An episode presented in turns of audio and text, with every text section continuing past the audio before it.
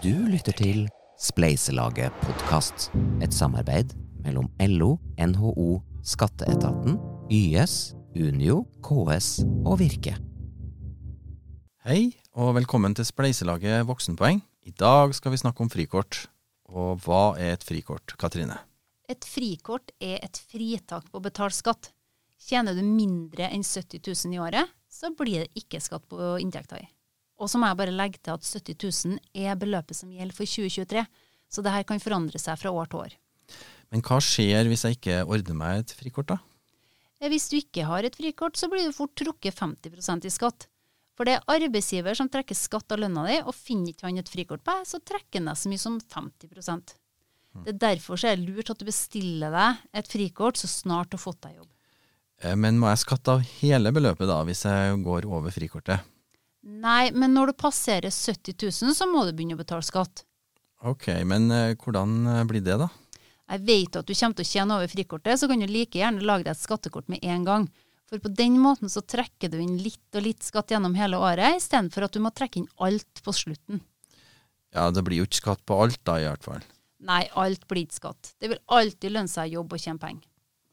Men du, jeg, jeg glemte jo å ordne meg et skattekort da jeg gikk over eh, frikortet. Ja, og da ble du trukket 50% Ja, det gjorde det. Det samme gjelder jo for skattekort. Hvis arbeidsgiver ikke finner et skattekort på deg, så må han igjen trekke deg 50% Så her er det opp til deg å følge med og ordne med et skattekort når du begynner å passere frikortgrensa. Men jo, enn om jeg blir trukket altfor mye, da? Ja, blir du trukket for mye skatt, så vil du få igjen pengene. Du må bare vente til skatteoppgjøret året etter. Hvordan lager jeg meg til frikort?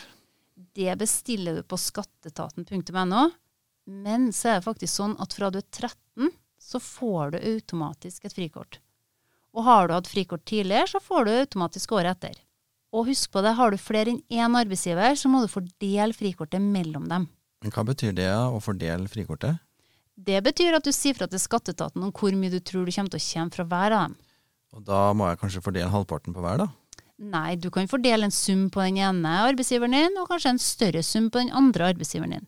Men pass på at du går inn og endrer på summene dersom du tjener mer enn det du har fordelt til den ene. For hvis ikke, så blir det fort 50% trekk igjen. Ok, så kort oppsummert. Med frikort kan du tjene inntil 70 000 kroner skattefritt. Du må fordele frikortet hvis du har flere arbeidsgivere, og frikort det ordner og fordeler du på skatteetaten.no. Da var et nytt voksenpoeng i boks.